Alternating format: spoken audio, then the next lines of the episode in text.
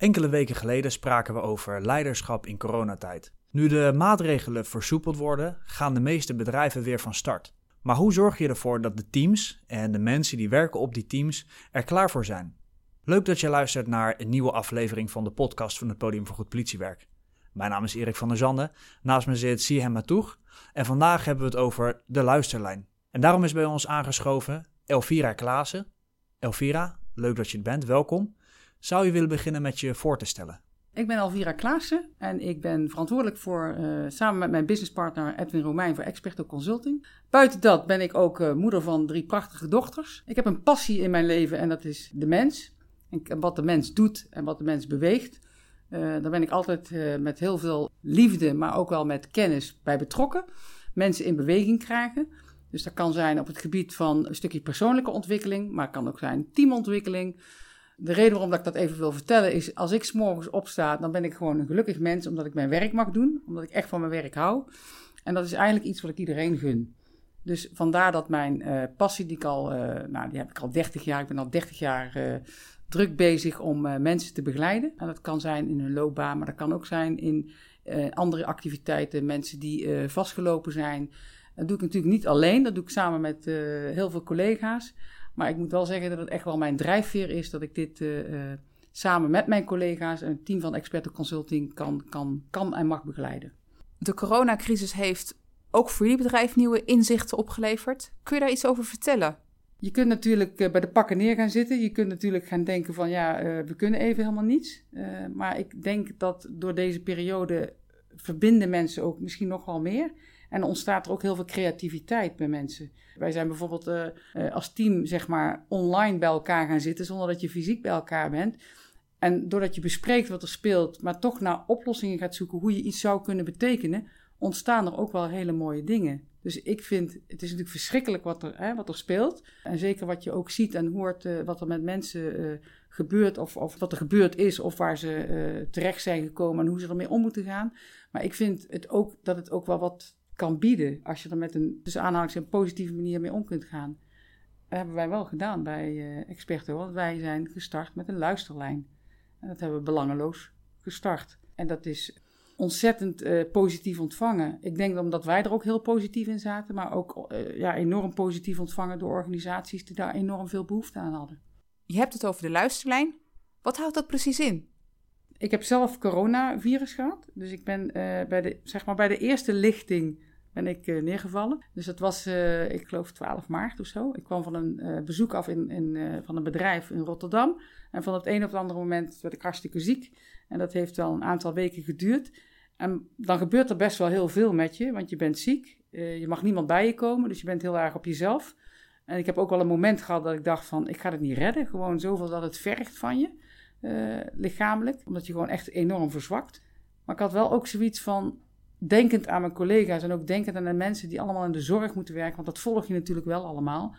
Ik wil hier wel iets mee en niets commercieels, maar ik wil iets kunnen betekenen samen met, met mijn collega's voor anderen die, die behoefte hebben om hun, hun ja, een stukje aandacht te geven en om hun verhaal kwijt te doen. Want iedereen werkt gewoon 24/7, full speed en, en moeten alles geven en hebben soms helemaal geen tijd om hun dingen te delen.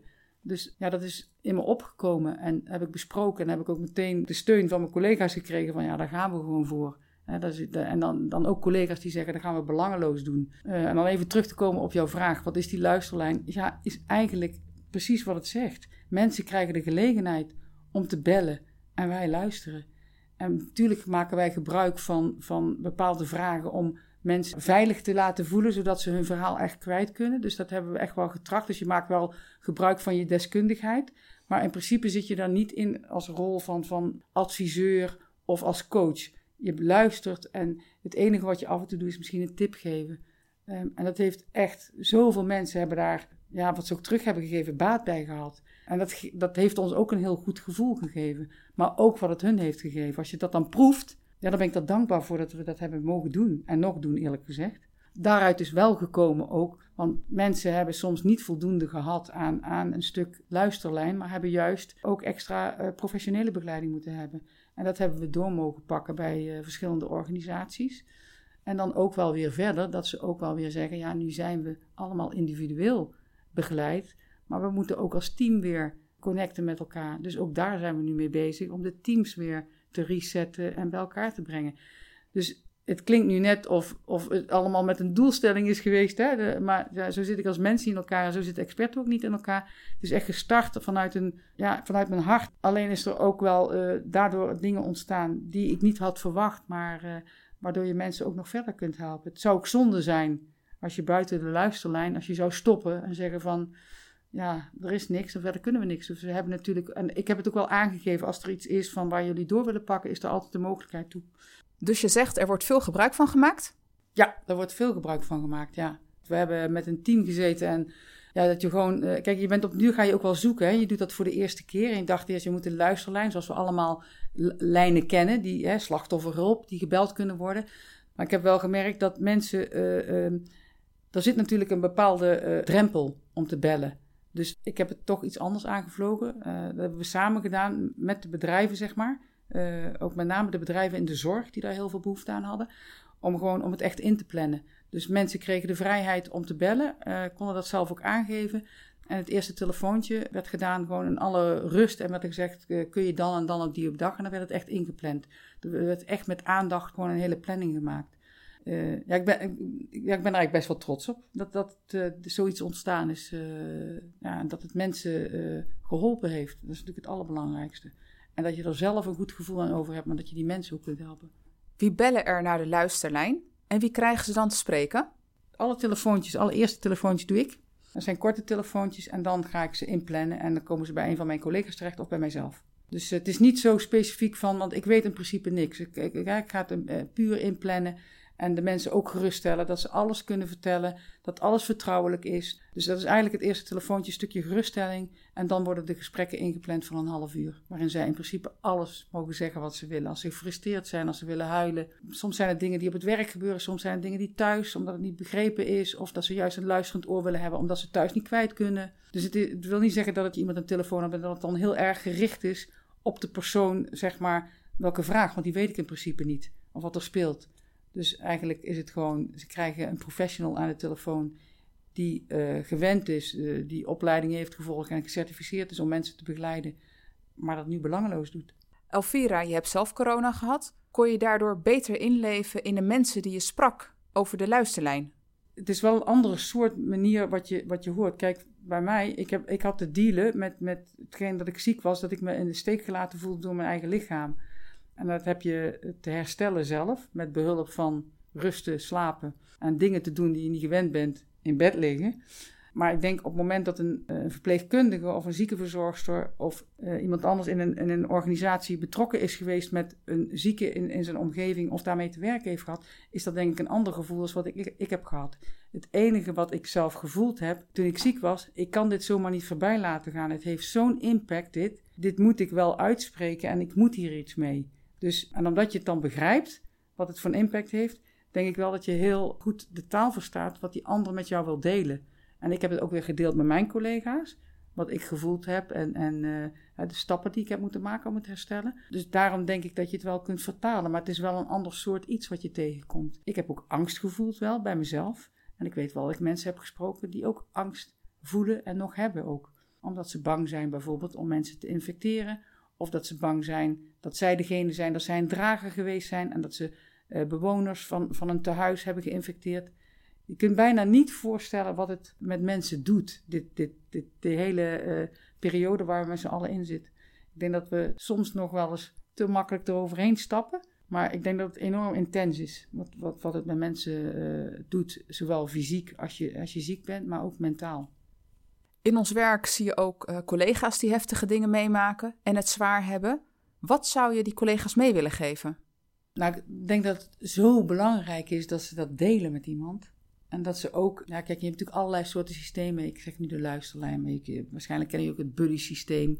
Of dat er mentoren uh, op staan. Ik denk dat alles wat je aandacht geeft, geeft een stukje heling. En doet iets. Als jij mag zijn, als jij je kwetsbaar mag opstellen in een veilige omgeving. Uh, en je geeft de mensen de gelegenheid. Deel gewoon wat je meemaakt. En, en laat het niet in je eigen ik zitten. Want ik denk als je erover spreekt met die ander, dat het juist eh, ook veel meer weer los kan maken bij die ander. Dat heb ik wel ervaren. Doordat, doordat je iemand de gelegenheid heeft om te praten, komt er ook een soort van verbinding met elkaar, waardoor je elkaar ook kunt helpen en begeleiden. Ik, ik denk dat mensen moeten durven en kunnen spuien. En dat kan individueel, maar het zou ook in een team kunnen. Een soort van spuisessie, uh, uh, dat ze hun verhaal kwijt kunnen.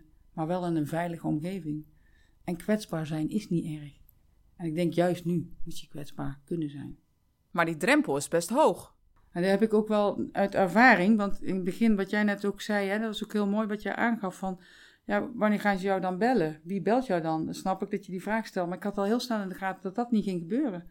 Dus dan moet je eigenlijk zorgen dat je het anders gaat aanbieden. Dan moet je zeggen, ja, maar ik merk dat, dat de drempel te hoog is. Wij gaan de mensen bellen als jullie aangeven waarvan jullie dan denken dat die er behoefte aan hebben en wel hebben aangegeven. Want je kunt natuurlijk niet zomaar spontaan mensen gaan bellen die niet weten dat ze gebeld worden. Dus er moet natuurlijk wel enigszins wat structuur in zitten. Maar dan wordt het wel makkelijker. Dus eh, jullie signaleren hier ook mensen die het zwaar hebben of die uh, in bepaalde uh, situaties terecht zijn gekomen. En als je mensen daar dan in, in één op één situatie op aanspreekt, van zou je het fijn vinden als iemand jou eens belt of met jou in contact komt, die daar ervaring mee heeft, soortgelijke situatie, bekend mee is, dan denk ik dat de stap makkelijker is als dat hij zelf die telefoon moet oppakken. Dus ik denk dat dat wel iets is wat, het, wat drempelverlagend werkt. En, en ik denk ook wel dat het belangrijk is dat je met mensen mag praten die deskundig zijn en soms ook ervaringdeskundig zijn. Dus die weten waar deze mensen doorheen lopen. Hè, bij jullie de mensen dan. En maar ook dat ze weten zeker dat ze terug kunnen vallen op deskundige mensen.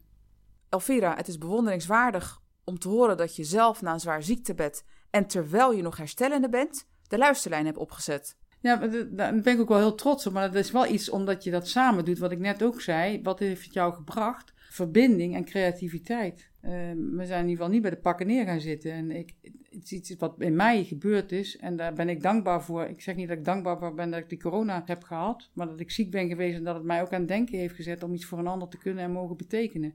Heeft het je nieuwe inzichten opgeleverd? Nou ja, dat je eigenlijk bij elke crisis dat je nooit bij de pakken neer moet gaan zitten. Dat je altijd moet denken in kansen. En dat klinkt misschien, dat bedoel ik niet eh, kansen dat ik nou commercieel, maar kansen ook bij jezelf. Uh, ik had niet verwacht een half jaar geleden dat ik uh, überhaupt een luisterlijn zou opstarten. En ik had ook niet verwacht, want net vroeg stelde jij die vraag ook, van fysiek kun jij mensen nu niet begeleiden. Ik had ook niet verwacht dat wij online, want uit die luisterlijn zijn uh, coaching sessies gekomen. Ik had überhaupt nooit verwacht dat ik online zou gaan coachen met experten consulting. En ik moet zeggen, niet alleen kijkend naar experten consulting, maar ik zie zoveel mooie dingen die gebeuren. Uh, dat ik denk van, ja, het is, het is verdrietig, uh, maar we moeten niet bij de pakken neer gaan zitten. We moeten die schouders eronder zetten en kijken wat we met elkaar en voor elkaar kunnen doen. Wat hoop je dat we met elkaar leren van deze crisis?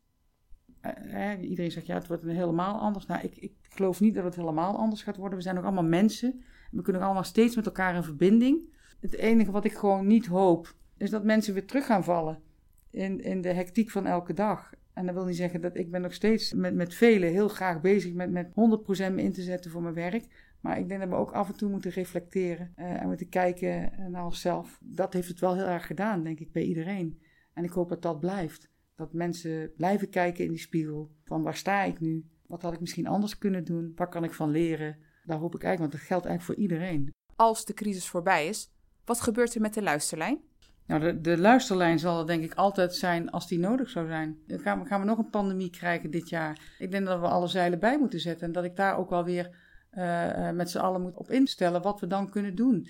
Maar dan is er misschien niet een luisterlijn nodig, maar iets anders. Dus dat biedt ook weer verbinding en creativiteit. En misschien komt er dan iets anders. Maar als die luisterlijn nodig is om juist mensen weer die aandacht te geven en te kunnen eh, vertellen wat ze graag kwijt willen, als dat biedt wat ze nodig hebben, zou dat ook een vervolg kunnen hebben. Hè, nu het oude normaal weer in zicht is, bedrijven gaan weer open, uh, mensen gaan veel meer naar kantoor. Wat zou je de teams mee willen geven? Als je weer wilt denken aan de stip op de horizon, denk ik dat je moet zorgen dat iedereen de kans krijgt om daar wat over te mogen delen. Dus elk team moet even bij stilgestaan worden. Want je kunt in je werk misschien niet direct iets mee, mee te maken hebben gehad, maar je kunt privé, en je hebt verhalen gehoord, Je weet niet wat voor impact het nieuws heeft gehad, wat het voor impact heeft gehad op je kinderen. Je weet niet wat de media doet met mensen. Ik denk dat we allemaal zo overspoeld zijn met informatie. En de ene interpreteert het op deze manier en de andere op een andere manier. Mijn idee zou zijn echt stilstaan bij datgene wat, wat er nog steeds afspeelt en wat zich afgespeeld heeft. En niet daar waar de brandhaard plaats heeft gevonden, maar ook mensen die gewoon ook wakker hebben gelegen. Er ik, ik, ik denk als je het vraagt dat mensen slaapproblemen hebben gehad en dat ze zorgen zijn. Um, dus ik, ik, denk dat het heel belangrijk is om daar heel goed bij stil te staan bij teams. Ja, Elvira, dankjewel voor je bijdrage vandaag. Wil je hier meer over weten? Neem dan contact op met Elvira Klaassen van Experto Consulting. Wil je reageren op deze aflevering, dan kan dat uiteraard. Neem dan contact op met Siem Matoeg of met mij, Erik van der Zanden. En dan horen we graag van je. Volgende week zijn we weer terug met een nieuwe aflevering. En we hopen dat je dan weer luistert. Bedankt voor het luisteren. Tot volgende week.